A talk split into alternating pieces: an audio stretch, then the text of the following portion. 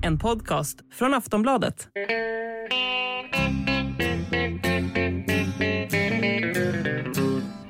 Hello out there, we're on the air. It's hockey night tonight.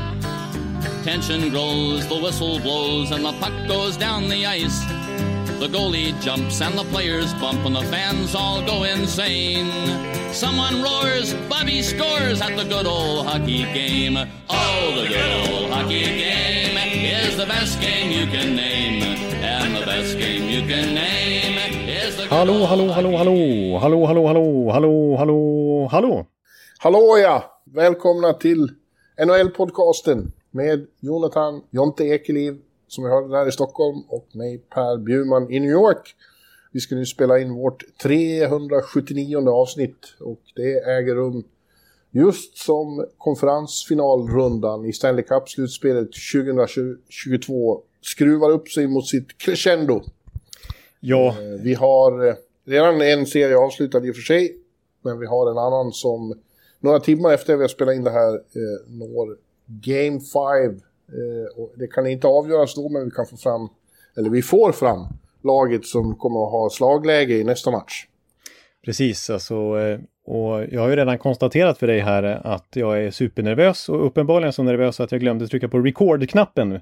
Eh, För att jag har tankarna så mycket på vad som ska hända på garden här om några timmar. Alltså, ja, det är verkligen som du säger, det står och väger i den serien. Ja, jag har ju följt den noga. Jag var i, i Tampa. Först, de, ja, först såg jag de två första matcherna här i New York och så var jag i Tampa. Flög hem igår tisdag tror jag det var. Nej, onsdag. Eh, och jag är väldigt dagvill. ja, det flyter upp för dig nu. Ja. Ja, jag ska se matchen på Garden ikväll. Flyger tillbaka till Tampa imorgon. Och det är, det är rätt utmattande. Under slutklämmen av slutspelsserierna, när det blir mycket så här fram och tillbaka, då det tar lite på krafterna. Det är mycket med eh, flyg mellan New York och Tampa är nog tre timmar ungefär. Och så ska man vara där före på flygplatser, genom security, av med skor och stressig miljö. Ja, precis. Jag har redan sagt det till dig en gång här innan vi inte hade tryckt på record. Men det, man glömmer bort lite grann att USA, i och med att det bara är ett land, men att åka från New York till Tampa, det är väl som att åka från eh, Stockholm till kanske Nice eller Zürich eller någonting. Ja, längre. Men Barcelona. längre. Ja, det är typ Barcelona. Ja. Ja, ja. Det, det tar lite på krafterna, men det är såklart jäkligt underbart också. Det är ju värt det. För att eh, stämningen kring, kring eh, matcherna är ju helt magisk. Det är höjdpunkten, det här. Ja, när, allting, när allting skärps. Det, det ska ju bli, eh, som du mycket väl vet, så är det alltså Game 5 på Garden ikväll då. Och serien kommer inte avgöras då, den står ju 3-2. Men, eller 2-2. Men den som vinner kommer att ha slagläge inför lördagens match då. Därför känns den extremt viktig. Är det inte så att vinnaren av match 5, ska jag säga istället för Game 5 då, är, procentuellt sett vinner enormt många av samtliga serier liksom? Eh, Det brukar ju Det ses när det som står nyckelmatcher. 2-2, ja. Ja, precis. Ja. Eh, ja. Men eh, vi kommer anledning att eh, komma tillbaka till den här matchen i, den här, i det här avsnittet ju naturligtvis. Men vi tänkte att vi börjar i den andra serien som redan är slut. För eh, senast vi poddade, då var det inför konferensfinalerna. Eh, jag ska motvilligt för din skull kanske påminna om att du tippade att Edmonton skulle vinna det där. Det blev 4-0 i matcher till Colorado. Ja, de svepte även Edmonton. Precis som de svepte Nashville i första rundan. Och sen hade de då serien emellan där mot St. Louis. Eh, då krävdes det sex matcher, men eh, det är ju uppenbart att de har finjusterat ett riktigt eh, playoff-monster där i skuggan av Klippiga bergen. Och nu är de klara för Stanley Cup-final för första gången på 21 år. Ja, ja, ja, exakt precis. Och faktum är att de har tagit sig dit utan att förlora en enda match på bortaplan. Alltså sju av ja, sju segrar på sju möjliga försök på bortais. Eh, Det är ju, är ju bara en sån sak imponerande. Ja, det är väldigt imponerande. Jag, jag, jag eh, trodde ju som sagt på Edmonton, eller jag chansade på Edmonton. Jag, Ja. jag fick en sån känsla av att när Conor McDavid och Liam Draisaitl var i, i den form de visade mot framförallt Calgary då, att det var något predestinerat över att eh, superstars som, som kom upp på den där övernivån, där eh, högst upp i luft, tunnaste luftlagren, så brukar det vara svårt att stoppa dem. Men, men det var en överskattning av dem och en underskattning av Colorado då kanske för att eh, ja, de såg ruskigt bra ut. De, de gör det ju på... Vi vet att det är ett, ett bra hockeylag och har varit i flera år, men de har ju gått igenom den här metamorfosen nu och blivit riktigt, riktigt bra på slutspelshockey också. Hårda mentalt och utrustade med förmågan att vinna på olika sätt. Ja, precis. För dels så har de ju verkligen stjärnglans och otrolig spets. Alltså vi måste prata mer om Cale McCarr som jag tycker, eh, ja, han ja. var ju faktiskt bäst i hela den här serien och då hade han ändå ja, McKinnon och Rantanen och Landeskog i sitt lag och så inte minst McDavid och Dreisaitl på andra sidan och ändå var det han som... Jag håller med Wayne Gretzky som sa att han var bäst i samtliga fyra matcher. Ja, men framförallt i den sista, i Game 4 så kom han upp på, och det var ju Gretzky som sa det också, att vi får gå tillbaka till Bobby Orrs dagar för att se något, för att ha något att jämföra med. Ja, han gör alltså fem poäng i den matchen. Han gör nio poäng i serien på fyra matcher och totalt då 22 poäng på 14 slutspelsmatcher. Och han är back. Ja, han är till och med bättre än, än eh, Erik Karlsson 2017. Ja, det, det, det, får man nog säga. Jag skulle vilja säga så här att eh, så här långt i alla fall, eh, vi har väl några kandidater på andra sidan, den andra konferensen så att säga. Men jag skulle ändå ge han Conn Smythe i dagsläget. Absolut, han är, han är hetaste Conn Smythe-kandidaten just nu. Ja. Det är ja. eh, Men det är också något spännande med som Henrik Lundqvist sa när han satt i TNT-studion när de hade vunnit mot eh, St. Louis till slut. Mm. Då konstaterade Henke, det här kanske, det känns som jag pratade om det förut, så det kanske jag gjorde redan förra veckan, att det är trots att mer och mer står på spel ju längre man går så är det de här lagen som till slut tar sig förbi andra rundan. Mm. Det är ofta något som lossnar hos dem. De, de som har fastnat där i flera år, vilket ju de hade, precis som Washington hade pressen släpper lite när man har gjort det. Liksom. Att man kan spela ut mer. Och det, det känns så med, med Colorado nu, att det varit en sån lättnad när de tog sig förbi andra omgången, att de bara körde när det var dags för Edmonton. Ja, det har nog rätt i. Det var exakt, vi pratade lite om det förra veckan och jämförde med just Washington som ju verkligen, eh, alltså, ja det dröjde ju till 2018 och då har ändå Ovechkin varit där sedan lockouten ungefär, eh, no, no, det var ju 05-06 som var hans första säsong de hade inte tagit sig förbi konferensfin till konferensfinalen en enda gång. Eh, och så till slut så gick de, klarade de det hindret och så gick de och vann hela skiten då. Eh, och ja, lite samma liksom mentala hinder, eller man ska säga, kändes som försvann för Colorado också med tanke på hur lätt de tog sig förbi ett Edmonton som ändå var uppumpat med självförtroende. Jag, jag trodde också ja. Jag, jag trodde ju på Colorado i slutändan, men jag, jag sa väl 4-3. Alltså jag trodde inte att det skulle bli en sweep. Nej, hade man sagt det hade folk skällt på en. Hur kan du tro det? Ja. Eh, men eh, ja, de är mentalt hårda också. Det tycker jag framgick redan eh, i St. Louis-serien när de förlorade Game 5 hemma. Mm. Under väldigt dramatiska omständigheter. För något år sedan hade det fått dem att darra. Ja, som vi såg i den Vega-serien. Då kollapsade ja. de med fyra raka torsk när de väl åkte på en plump. Ja, men eh, eh, man fick rätt intryck av, av Landeskog och McKinnon efter den matchen. De satt med sammanbitna miner på presskonferensen och bara sa att eh, ja, det bekymrar oss inte. Vi har fortfarande chansen att vinna. Det ska bli kul att åka till St. Louis igen och vinna där. Mm. Och, och, det gjorde de. de det, det var, även, om, även om Gabriel sen erkände att han hade haft någon sömnlös natt där. eh, så mm. har de... Det, det är en envisas med att tjata om det att man måste igenom det här stålbadet och, och få uppleva heartbreak och smärta för att bli tillräckligt mentalt hård. Mm. För att gå långt i slutspelet. Det bara är så. Ja. Ja, en annan sån här grej som... Eh, alltså, nu är det ju så att det är onekligen stjärnorna som bär Colorado. Det är de som är överlägsna i poängligan och McCarr som jag nämnt som back har gjort över 20 poäng redan. Bäst i laget, men McKinnon och Rantan och Landeskog är långt över en poäng per match de också. Eh, men också bara bredden liksom, att den känns bredare än tidigare år också, vilket ju är en nyckel liksom. Eh, bara en sån sak som jag när jag kollar på mina underliggande siffror så konstaterar att en spelare i hela laget har inte plus, eller om man ska säga, över 50 procent i course, alltså skottförsök fram och tillbaks på isen. Det tycker jag är liksom imponerande att ända ner i fjärde kedjan så, så för man ändå spelet totalt sett i det här slutspelet. Eh, och det, det visar ju på bredd, inte bara spets. Ja, det syntes ju också när det var några matcher när eh, stjärnorna inte gjorde mål. Eh, och Edmonton hade hygglig framgång med att hålla dem i, i stramare tyglar. Så då kliver istället eh, Comfer och Nikushkin upp och gör mål. Ja. Tar på sig den rollen. De har, de, den är väldigt imponerande, bredden där. Ja, och det var ju... Darren Helm i fjärde kedjan som avgjorde serien mot St. Louis och den här, det, det sista avgörande overtime-målet, faktiskt för andra året i rad i hans fall, sattes ju av Arturi Lekkonen, så det var inte heller en av de liksom stora stjärnspelarna. Så det, Nej. Bara det är ju lite nytt i Colorado. Det är också nytt att de, som jag nämnde där, gör det på olika sätt. Det var ju några av de här matcherna mot Edmonton vart ju vilda västern inte helt olika de Edmonton spelade mot Calgary. Nej. Men match två och tre framförallt, då mm. var det ju genom att snåra till det och stänga, stänga alla portar och, och, och liksom slänga kedjor på matcherna som Colorado vann. De spelade extremt tight i framförallt första matchen i Rogers Place och, och det sa ju McKinnon också. Vi är inte här för att underhålla någon. Vi är här för att tråka ut och äckla er. ja. Vi ska se till att det blir tråkigt och äckligt, så uttryckte han. Ja, det är ja. Nej, men, och det märktes ju för McDavid och, och Dreisaitl att de inte fick lika mycket ytor som i Calgary-serien eller den mot Kings. För visst, ja, visst. Jag, ty jag, tycker inte man kan klaga på dem. Eh, visst, de, de gjorde inte så, jag höll på att säga äckligt mycket poäng som de gjorde i de två första rundorna när de fullkomligt öste in poäng båda två. Eh, de landade på sju respektive sex poäng på fyra matcher.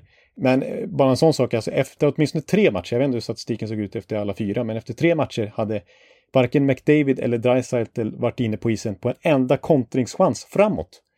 Och Nej. kollar man på målen de gjorde mot Calgary så var det enormt många kontringar. Alltså, man trodde att Calgarys ramstarka defensiv skulle lyckas täppa igen det och, och bromsa ner lite grann McDavid och Dreisaitl. Men det, det, var ju väldigt många mål på kontring, men mot Colorado de fick, inte en, de fick ju liksom inte ens en enda kontring. Nej.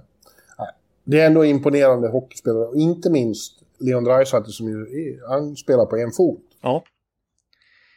Ja, det har ju framkommit här, eh, det visste man ju, det såg man ju med blotta ögat, men han bekräftar ju nu när säsongen är över att eh, i Kings-serien där så fick han en high ankle sprain, vad ska man kalla den, en stukad fotled. Ja. Eh, och ja, man, man, man såg ju varje gång han skulle åka på byte att det var, han haltade ju av och han satt och kvet på bänken, men han skulle minst han spela ändå och han gjorde det bra. Ja, det påminner ju om Erik en hel del där nu. Eh, ja, 2017 när han hade hairline fractures i en fot. Och spelade ändå. Ja. Eh, men det höll inte hela vägen. Resten av laget, ja, även Kane och Zach Hyman har ju varit väldigt bra. Eh, nu blev ju Kane då avstängd inför sista matchen efter att ha tacklat in Nassim Kadri i sargen så att han bröt en tumme tror jag. Han är opererad nu och det är väl högst oklart om han kan spela någon mer. Precis, det är ju ett... Nu, nu vann de matcher ändå Colorado, men det känns som ett tungt avbräck att bli av med sin nu ena center i sin one-two-punch där. Han har ju mm. varit extremt bra i grundserien och extremt bra här i slutspelet också. Jag såg att han själv eh, kommenterade något Instagram-inlägg, eh, var det TSN eller vilka det nu var som skrev att han eh, förmodligen inte kan spela i finalen och då svarade han själv typ så här, we'll see, punkt, punkt, punkt. Så han hoppas väl fortfarande, men med en bruten tumme kanske det kan bli svårt att prestera på samma nivå åtminstone. Ja, det får vi se. Men det var ju å andra sidan också ett avbräck för Edmonton att Kane inte kunde spela. Å andra sidan var det, jag tycker inte det är mycket att diskutera om den. Det var en korrekt avstängning. Ja, Colorado vill ju ha längre. Det, det spelar ingen roll i och med att eh, säsongen tog slut ändå för, för Edmonton. Men, eh, det är överspelat nu. Det kan man tycka. Ja. Vad som inte är överspelat däremot är att de fortfarande inte känns så säkra på målvaktssidan. Det var ju... Båda målvakterna i den serien hade tveksamma eh, insatser. Det var ju Frankie, Pavel ja. Fransus, som fick ta över när när Darcy Kemper skadade. Han gjorde en kanonmatch och var folkhjälte i Denver där de skanderade Frankie, Frankie, Frankie hela tiden. Ja, höll nollan. Ja, men sen så var han ju eh, mer tveksamma insatser. Och Mike Smith fortsatte blanda. Vi fick vad de kallar the, the full Mike Smith experience i, i nästan varje match. Ja, alltså precis. Det, det är det, jag tycker på något sätt så personifierar Mike Smith hela Edmonton Oilers. Att ja högsta nivån är ju enorm. Det är därför Mike Smith fortfarande har ett NHL-kontrakt trots att han är över 40 bast. För att han kan ju verkligen eh, stänga igen butiken som om han vore Andrei Vasilevski eller Igor Sjistorkin.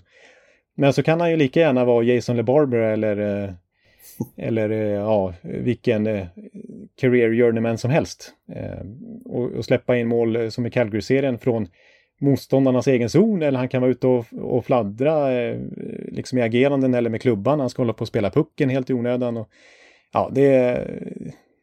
Det verkar extremt mentalt. I, I den där sista matchen så var det ju en sekvens när han blev skogstokig. Han tyckte att de hade eh, gjort mål genom att trycka in honom, men pucken låg ju fri. Domarna dömde korrekt. Men han var ju så arg så han slog sönder klubban i isen och så. Därefter så vart han jättedålig. Då vart han eh, Luongo i Boston 2011 på en gång. Ja, ja, exakt. När han hade förlorat liksom sitt humör.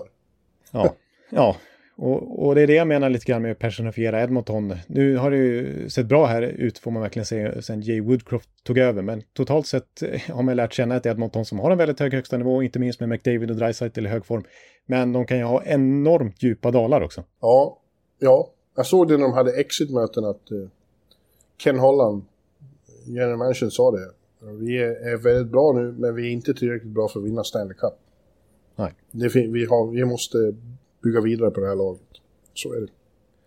Ja, Men vad gäller målvakterna då så kan man konstatera att vilket en lag som nu går till final från öst så kommer det laget att ha en väldig fördel på målvaktssidan. Den bästa målvakten kommer att komma från öst. Ja, så är det. För det kan man väl säga, ja verkligen, jag menar Vasilevski och Igor Sjistorkin, jag menar den, den ena kanske betraktas som världens bästa målvakt totalt sett senaste åren medan Igor då i, i Rangers kanske vinner Hart Trophy som hela ligans MVP. Mm. Den här säsongen och han får ju garanterat Vesina Trophy som ligans bästa keeper. Så att, eh, medan... Ja, det blir, det blir intressant därför att ja. Cal Colorado har inte mött en riktigt stark målvakt sen Jordan Binnington spelade ett par matcher.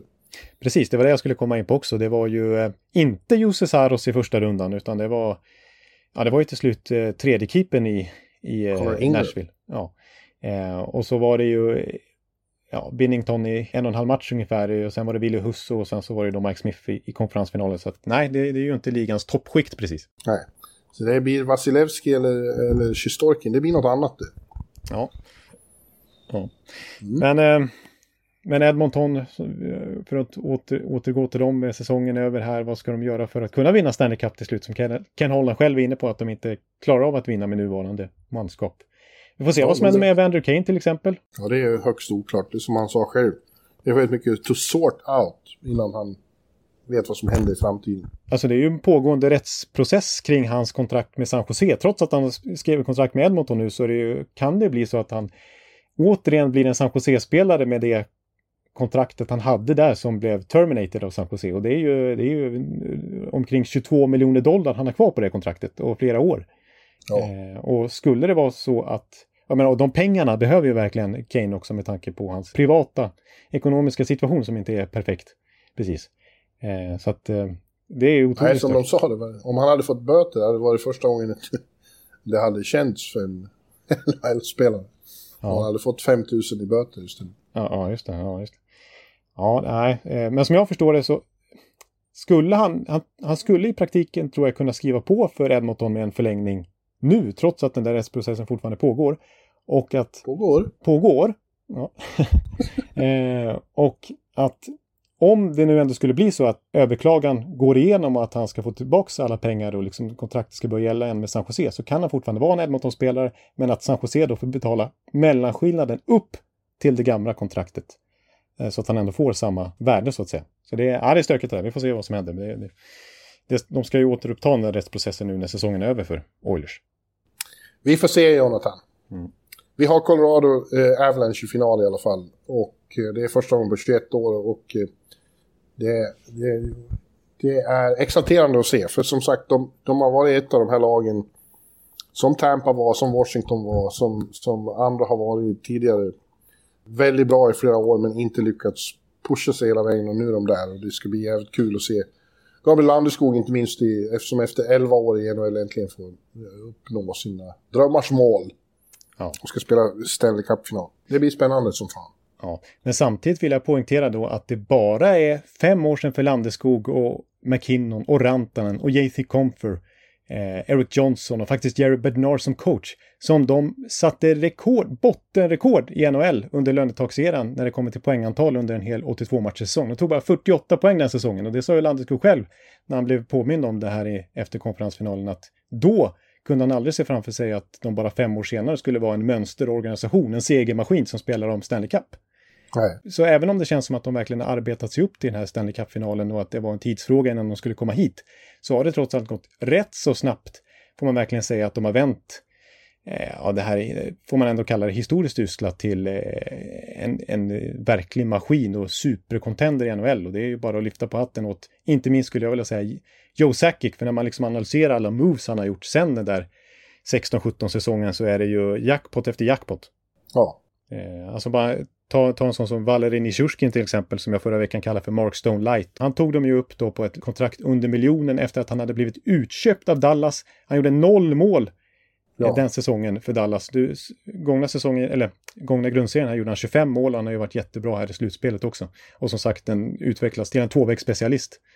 Ja. Eh, att, Men Jonte, vi ska återkomma till allt sånt här. Vi kommer att göra en inför finalen. -grej. Ja, då får vi prata ännu mer Colorado ja. inför det. det. Det har du rätt nu har vi ju en, som sagt, eh, en annan konferensfinal som inte är i närheten av klar än. Den står som sagt 2-2 inför eh, Game 5 på Madison Square Garden ikväll. Eh, och eh, den är alltså mellan New York Rangers och Tampa Bay Lightning.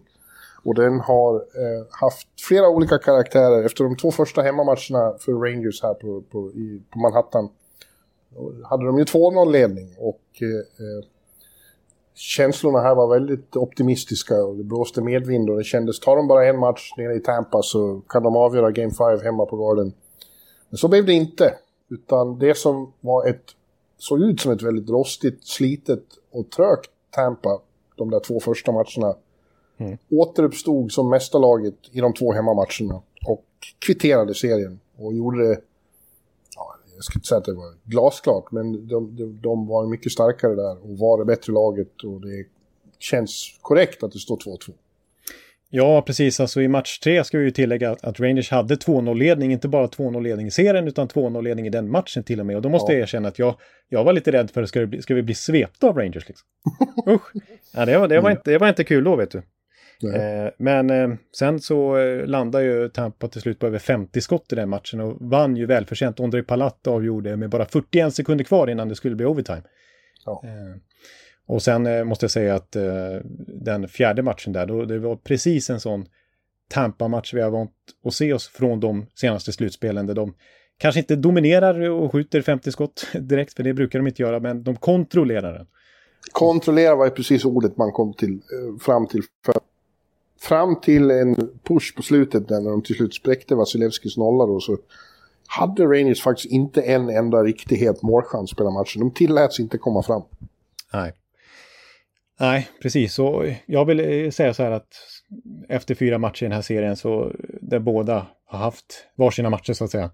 Just det här eh, som du är inne på att, att Rangers inte skapar egentligen en enda målchans i match fyra. Eh, det, det, är ju, det är ändå en riktig styrka som Tampa har funnit de här senaste åren att göra det väldigt svårt. Det är inte bara att Vasilevski är bra utan det är svårt att liksom komma in till honom, riktigt nära honom. Ja. Om man kollar på skott från inte bara slottet utan från inre slottet, alltså precis runt Sjestjorkin och Vasilevski, så har Tampa faktiskt dubbelt så många skott därifrån eh, som Rangers. Det står 32-13 i den statistiken. Eh, så att när, när, Tampa väl hittar sitt spel, då är de väldigt svåra att komma åt. Men, eh, ja. Eh, men så är det. Ja, men som du är inne på så eh, var det tvärtom i de två första matcherna. Då kom Tampa verkligen inte åt Rangers. De, eh, ja, de var oroväckande överlägsna i de två matcherna. Ja, men det är frågan är om det var Rangers som var bra eller om det var Tampa som var osedvanligt dåliga. Det, det är svårt att avgöra. De var ju framförallt i andra matchen på Garden tyckte jag, jag var lite förbluffad över hur många misstag de begick Tampa. Ja, till och med Victor Hedman. Ja, han hade faktiskt en riktigt hemsk match där. Mm. Sen var han desto bättre hemma i Amalie. Men det, vi får ju svaren ikväll då, hur det där var. Om, om Rangers är så mycket bättre på hemmaplan. Eh, när de får styra lite mer själva. Vi får se.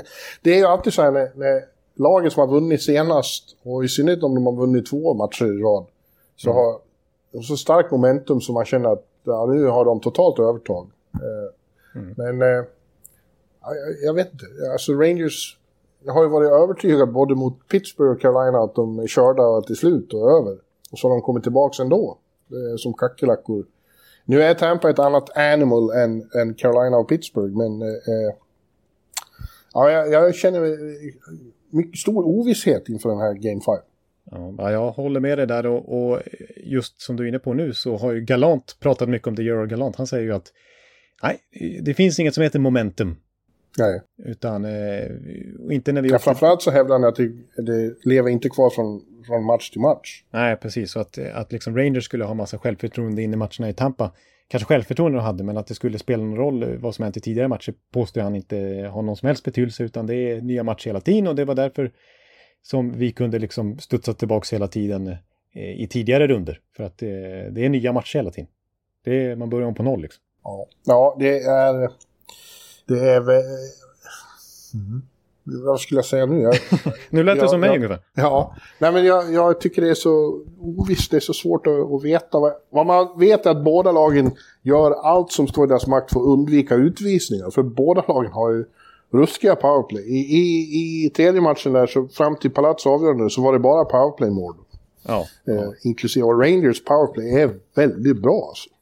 Ja, jag är nästan eh, mer säker på att Rangers ska göra mål i PP än vad jag är förväntansfull för att Tampa ska göra när, när vi, höll jag på att säga dem, eller jag säger väl vi, får, får PP. För vi, det finns ju firepower i Tampas PP får man onekligen säga, men om vi har Stamkos som står och, och måttar direktskott i den där vänstra teckningscirkeln så har ju Ja, då har ju Rangers fått sin egen Stamkos eller sin egen Ovechkin nästan. Skulle jag vilja likställa honom i den formen han är just nu. Mika Zibanejad står ju verkligen och dundrar in projektil efter projektil i PP numera och blir det inte mål på själva skottet så, så eh, står ju Kreider där framför och petar in returen. Ja, ja det, det är ett helt otroligt hans direktskott där. Det, det blir ju så här, alla vet vad som ska hända, kan inte göra någonting åt det i alla fall, som med Ovechkin. Ja, det är lite samma sak, för Tampa vet ju verkligen att det där kommer hända, men de lyckas ändå inte komma åt det eh, hela tiden. Liksom. Det, ja, ja, jag, äh, ja.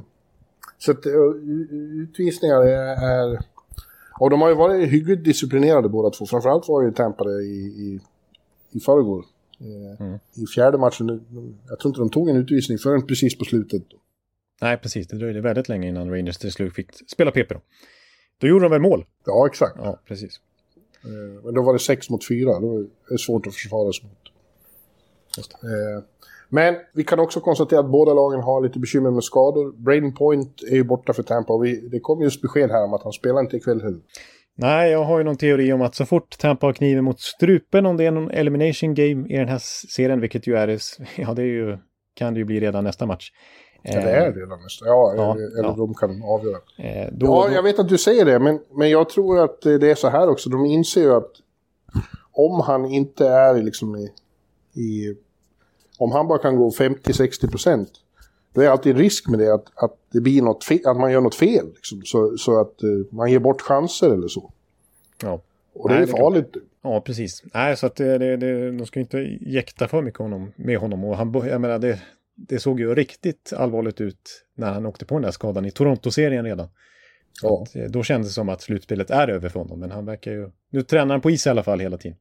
Men eh, Rangers som du är inne på har också där är väl, kan det väl vara så att båda faktiskt spelar nästa match, men eh, skulle både Ryan Strome och Filip Skyttil saknas, då är det ju två centrar. Eh, två väldigt formstarka centrar dessutom, som är borta. Ja, det är intressant med Ryan Strome. Han, han känns inte som någon särskilt bra. Liksom. Eller bra, men han är, känns inte som elit. Nej. Han är andra center och man har tyckt att mm, det ser lite tunt ut på down the middle, som man säger.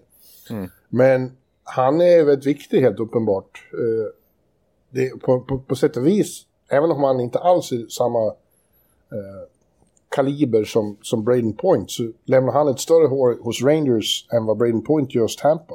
Tampa har ändå så de kan täcka upp för det. Det har inte riktigt Rangers. Nej.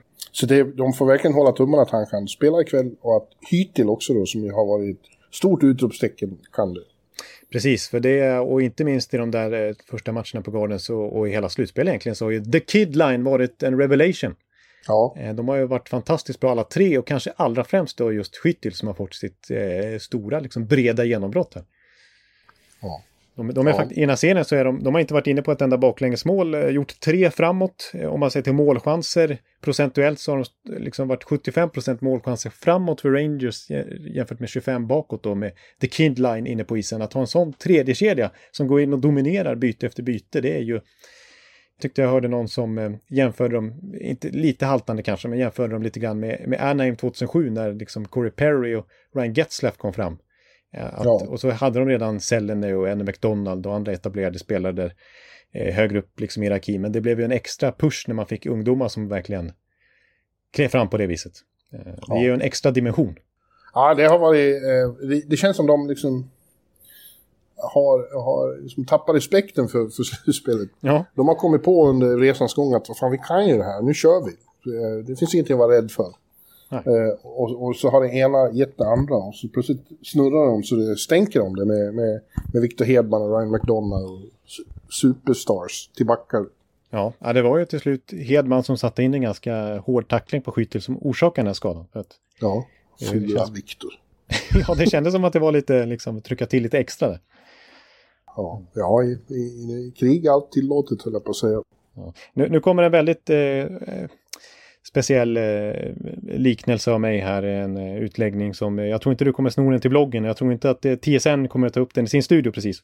Eh, men eh, eh jag, jag, i alla fall de två första matcherna kände jag lite grann som eh, för jag vet att min, min sambo brukar prata om att det är på, på skolgården, ja det har jag redan nu, eh, när hon växte upp där så, så, eh, så var det en, alltid en stor snöhög på vintrarna där i Norge. Va? Eh, som liksom alla ville vara, det var lite herre på täppan där. Eh, Så och, hade vi i Borlänge också när jag var liten. ja, men det är väl rätt vanligt. Ja. Mm. Eh, och i den där skolan så gick man upp till sjätte klass och så det var ju eh, liksom sjätteklassarna som var kungar och liksom stod på toppen där. Eh, medan eh, fjärde och femteklassarna försökte tränga sig upp dem också. Eh, men det var alltid till slut sjätteklassarna, eller nästan alltid i alla fall sjätteklassarna som vann till slut för de är ju störst och de är liksom bäst och de är mest erfarna och har efter alla år lärt sig alla tjuvtricks och så vidare och strategin som är bäst. Och lite så känner jag kring Tampa liksom efter alla dessa år att de är ju störst och bäst numera. Erfarnast. Eh, Ja. Kan alla tjuvtricksen där. Eh, men så finns det alltid lite så här fjärde, femteklassare som är kvicka och smarta och lite luriga. Eh, och svårfångade. Och så kände jag lite grann med, med Rangers i de här första matcherna att Tampa försökte med sina knep men de kom liksom inte, lyckades inte få fast dem. De hamnade på efterkälken hela tiden och fick jaga istället. Eh, Ja. Ja, jag vet inte varför jag nämnde det men det var lite så, det var lite den känslan jag fick i fall. ja, det är inte klart på något sätt. Det känns väl som att om Tampa vinner ikväll så då kanske det bara blir sex matcher. Eh, det- Då lutar det ju åt det. Ja. Vinner Rangers lutar istället åt Game 7. Det, det är svårt att komma runt det. Ja, och det som oroar mig som Tampa-supporter det är att eh, vi nämnde hur bra Colorado är på, på bortaplan och är slutspelet fortfarande, fortfarande inte förlorat. Medan då Rangers har ju faktiskt bara... Ja, de förlorade första hemmamatchen mot Pittsburgh. Sen dess har de inte förlorat en enda match på Garden. Nej, och då förlorar de i overtime 3. Precis, ja exakt. Precis, så att eh, de är... De är, det har blivit lite ruskigt tryck där i Garden nu här sista veckorna. Ja, ja. Det kommer att bli ikväll med. Ja. Och så åker ju många, många eh, Rangers-fans till, eh, till Tampa också. Det är liksom... Florida är ju New Yorks bakgård. Ja, det är faktiskt det. Det får jag konstatera. Det är inte riktigt samma sak åt andra hållet. Att, att Tampa tar över garden, utan där får man ju eh, vara nöjd om man får en biljett överhuvudtaget. Och därför tycker vi att du som Tampa så får du borde hylla New York genom att sjunga en sång. Aj då. Eh, Och det har ju varit lite krav på det. Framförallt från mig. Jag tycker att du, du, måste, du ska tvingas nu att sjunga New York, New York som en hyllning till, till storebror. Jaha. Ja, ja, då måste jag ta fram texten då här. Eh, den borde jag i och för sig kunna. Ja, det tycker jag. Ja, men jag, jag skiter i texten. Jag försöker ta den eh, bara sådär. Eh, ja. Ja, vi kan för hjälpas åt här. Start spreading. Spreading the news. I'm leaving today. I wanna be a part of it. New York, New York. Vad är det sen då? Yeah. These vagabond shoes Shoes are longing to stretch are longing to stretch right through the heart of it. Ja, right through the very heart Very of it. hard. Just New York, New York, New, New York. I wanna wake up in a city that never sleeps. Ja, ja det är bra Jonte. ja, ja. If you make it here you'll make it anywhere. Ja, du jo, får det är se det så. sant. Ja, så ska jag se det, verkligen. Ja, precis. Om de gör det ikväll så har de made it anywhere. Då kan de vinna även i, i Denver. Ja. Jag frågade Victor efter Game 4 när jag träffade honom. Eh, har du börjat tänka på Colorado? Nej, nej, nej, nej, nej, nej, nej. det fick man inte fråga. jo, jag frågade, jaha, det får man inte ens nämna. Ja, du får nämna det, men du får inget svar. Nej. Han gick där i en fin Panama-hatt två timmar efter slutsignalen. Han klär i den. Ja. Ja, jag, ska väl, jag som är den som är minst gillar att jinxa saker och ting, det vet ni ute efter mina eh, tips inför Tampa-serier och sådär. Eh, jag ska erkänna att jag tittar lite grann på flygbiljetter och sånt där. Och konstaterar att det, det blir kämpigt för privatekonomin här att ta sig över Atlanten. Men eh, kanske, om det skulle gå så långt. Men det vågar jag ju inte. Nu tar jag i trä här. Så, där. Så, jag har inte sagt någonting. Nej. Ja, jag har ju bott på ett hotell som ligger dig varmt om hjärtat eh, i Tampa nu när jag var där. Det var ju Aloft. Mm. Där vi bodde på Watch It Live-resan 2019 och där du träffade kärleken. Så var det. Du träffades av Amors pilar på Aloft. Eh, men dit ska ni inte återvända, ber jag att få understryka. Det är Nej, Fawlty Towers i, i Tampa-solen. Ja, det, det, den personalen eh, är inte den mest sympatiska om man ska säga nej, nej, vi behöver inte gå in på det. Men undvik, undvik det, Jonte. Det går att läsa eh, vissa anekdoter från detta i, bloggen vet jag här i, i ja. närtid. Mm. Ja. ja, men du, eh, nästa gång vi pratar, så, när vi pratar finalen så får vi se då om det är Rangers eller Tampa vi analyserar mot Colorado. Ja, precis. Det blir en del och jag hoppas ju på det ena, men vi får se. Det, jag tror att många eh, hoppas på Rangers. Det är det lag som har mest fans i hela Sverige, får jag erkänna. Och ett original six-lag med allt vad det innebär. Ja. ja, vi får se. Men du, innan vi, innan vi avslutar helt och hållet det här avsnittet så är det ju, händer det ju saker på andra fronter också och en liten skräll inträffade ju eh, under helgen, eller strax före helgen, när det blev känt att, nej, i början av veckan var det. Ja. Mm. Att Boston då sparkar Bruce Cassidy som coach. Ja, det måste jag säga var en chock. För mig är han en av ligans bästa coacher. Ja. Eh, och eh, när han tog över Boston, då var det faktiskt så att eh, de hade missat två raka slutspel. Claude Julien fick sparken där. Bruce Cassidy tog över och sen dess har de faktiskt gått till slutspel sex år i rad. om man tittar totalt sett över den här perioden så är de det lag som har släppt in minst antal mål i hela NHL. De har tagit näst flest poäng efter Tampa. Och eh, de var ju i final 2019, Game 7 på hemmaplan, otroligt nära att Cassidy fick kröna med en Stanley Cup. Men ja. eh, nu får han alltså sparken eh, rätt så överraskande måste jag säga. Still bothers me såg jag att han sa idag, 2019. Eh, det är sånt som står på spel också. Det, man kan den här tiden både förlora matcher som sen förföljer resten av livet. Ja, så är det. Eh, men ja, jag tycker också, jag, jag, får lite samma känsla som när Islanders sparkar Barry Trotz. Att vem tror ni att ni kan hitta som är bättre? Och det finns nästan bara Barry Trotz som på pappret är bättre än Cassidy enligt mig. Ja, precis. Det, jag, håll, jag håller med dig där. Det blir spännande att se vart Cassidy hamnar nu. Jag menar, det är ju, det är ju otroliga namn på marknaden. Alltså Trotz, ja. Cassidy, DeBoer, Paul Maurice, Tortorella. Eh, ja, etablerade namn som Vigneault till exempel. Tocket. Rick Tocket. Eh. Ja, och det är väldigt många eh, lediga poster. Men det känns som eh, att det, det kommer inte bara röra sig förrän Barry Trotz har bestämt sig för vart, vart han vill coacha. När han har gjort det så liksom kommer marknaden att lossna. Och han känns ju som första valet för väldigt många klubbar. Ja, han gör ju det. Eh, men jag undrar om inte Cassidy är, är, seglar upp som ett eh, högt, högt, högt Absolut. val för många också. Jag tycker han känns som väldigt, skulle vara väldigt bra i Chicago och eller Detroit. Han har ju en historia i Detroit. Han har ju faktiskt coachat eh, någon säsong visserligen bara, men det var hans första NHL-organisation han tillhörde som coach. Det var Detroit. Eh, han var i Grand Rapids som head coach där. Sen blev han faktiskt huvudtränare i Washington en kort period, det har man ju glömt bort. Eh, men så att han har, har en historia i Detroit och det vet jag att Elliot Friedman, Sportsnets insider, var inne på direkt efter beskedet att, att han fick sparken av Boston, att nog Steve Eisenman kommer vara snabb på telefonen. Mm. Ja. Ja, Eh, men det är mycket som är, är, är rörigt kring Boston känns det som. Eh, det är nu, alltså de kommer få starta säsongen utan Charlie McAvoy och Brad Marchand, båda opererade, även Grishilnik, eller hur säger man? Ja, Matt Grislick. Grislick. Det är ett mycket underligt namn. Ja, det stavas ju med på ett speciellt sätt sett till hur det ska uttalas. Det är lite som ja. Jacob Chikrin. Ja.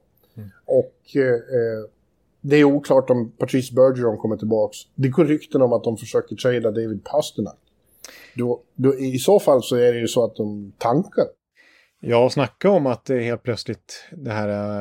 Eh, dynastin nästan, i alla fall en, en fin, väldigt fin, långvarig Boston-era tar tvärslut om, om, om Bergeron dessutom lägger av och Pasternak skulle bli tradad här i sommar. För ryktet säger ju då, de uppgifterna, det är väl Flutus Shinazawa, eller vad, vad heter han? Mm. The Athletic beatwritern där. Eh, som, eh, som varit inne på att, eh, ja, enligt en källa nära Pasternak så, så ska han eh, vara gramse med, eh, gramse på Don Sweeney.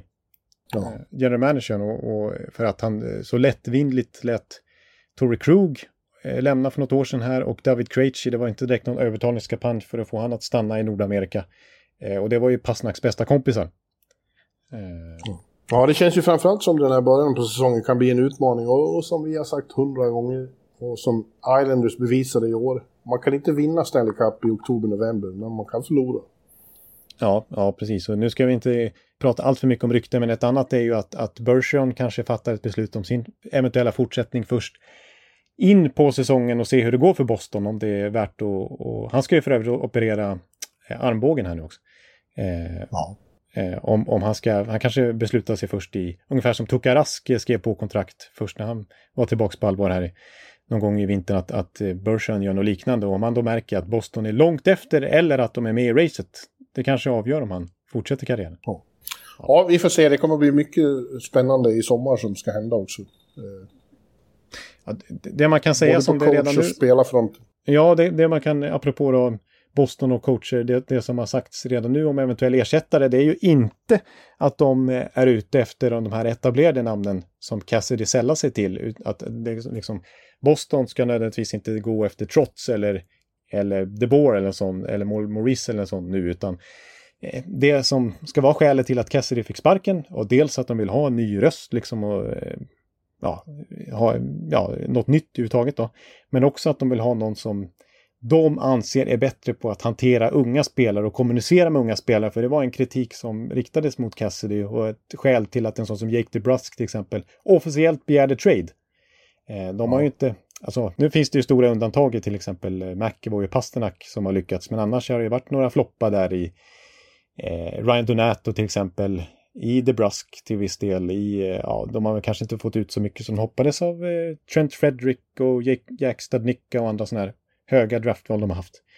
Eh, och att de då vill ha in en, en, en eh, du vet, eh, det är till, en sån som har nämnts är till exempel David Quinn faktiskt. Ja, han har ju, han har ju starka band till Boston. Han var ju Boston College i många år. Precis, och hade ju då Grizzly och McEvoy under sina vingar.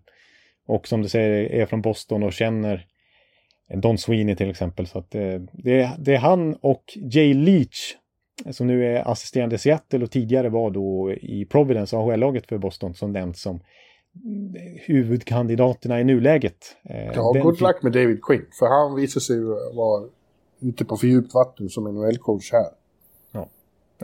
Och då, då han kom ju till Rangers just för att han var duktig med unga spelare va? Nej, det var för att det, det sägs alltid att man är duktig med unga spelare när man har fått college nu. Man har inte arbetat med några andra. Nej, precis. Så att, eh, och det, jag menar, jag stryker under på det, men det var motiveringen då. Men, men ja, jo, jo. han visar ju inte precis det i Rangers. Så att, eh. Nej. Nej, jag tror, eh, det är ju väldigt upprört bland fansen har man förstått, och media. Don Sweeney var lite paff när han häromdagen ställde till med presskonferens och la den klockan åtta på morgonen för jag hoppades väl att ingen skulle komma. Nej, nej precis. Men fick väldigt eh, bistra frågor och, så, och sades vara förvånad över att eh, det var så starka känslor. Fansen är ju, tyck, vill ju ha bort både honom och, och eh, vad heter han? Cam Neely. Ulf, Ulf Samuelssons gamla kompis. Eh, Cam Neely, ja. Ja. Eh, ja, vi får se. Det kan, bli, det kan bli spännande vad som händer där. Ja, precis. Verkligen. För den klubbens vart den klubben ska ta vägen härnäst, det känns ju beroende på vilka beslut de tar i sommar så kan det vara verkligen, verkligen uppåt eller verkligen neråt. Kanske inte så mycket ja. jätteuppåt, men i alla fall väldigt mycket neråt om de inte fattar rätt beslut. Ja. Mm. ja.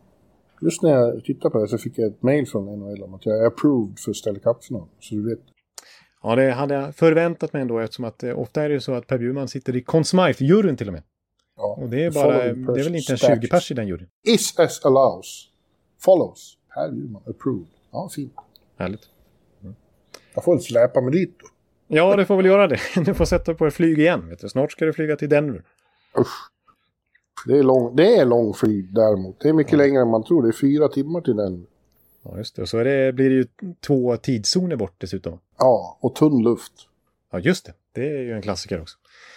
Men det blir enkelt om det eh, om New York går vidare, då är jag ju hemma åtminstone. Ja, då kan du alltid mellanlanda, liksom, eh, eller vad säger jag, mellanlanda, men gå upp, inte bo på hotell utan eh, ja, hämta, lite, hämta andan lite grann hemma i lyan. Ja. Vi får se hur det blir med det, Jonte. Det, det... Vi återkommer när östra konferensfinalen är klar med en final speciale. Precis, det är väl inte så... Det blir nog mindre än en vecka oavsett hur, hur det går ja. här. Ja. Så vi, rätt så snart är vi tillbaka. Yes. Ja, då säger vi så. Vi säger så för den här veckan och eh, på återhörande allihopa. Hej då! Hej hej!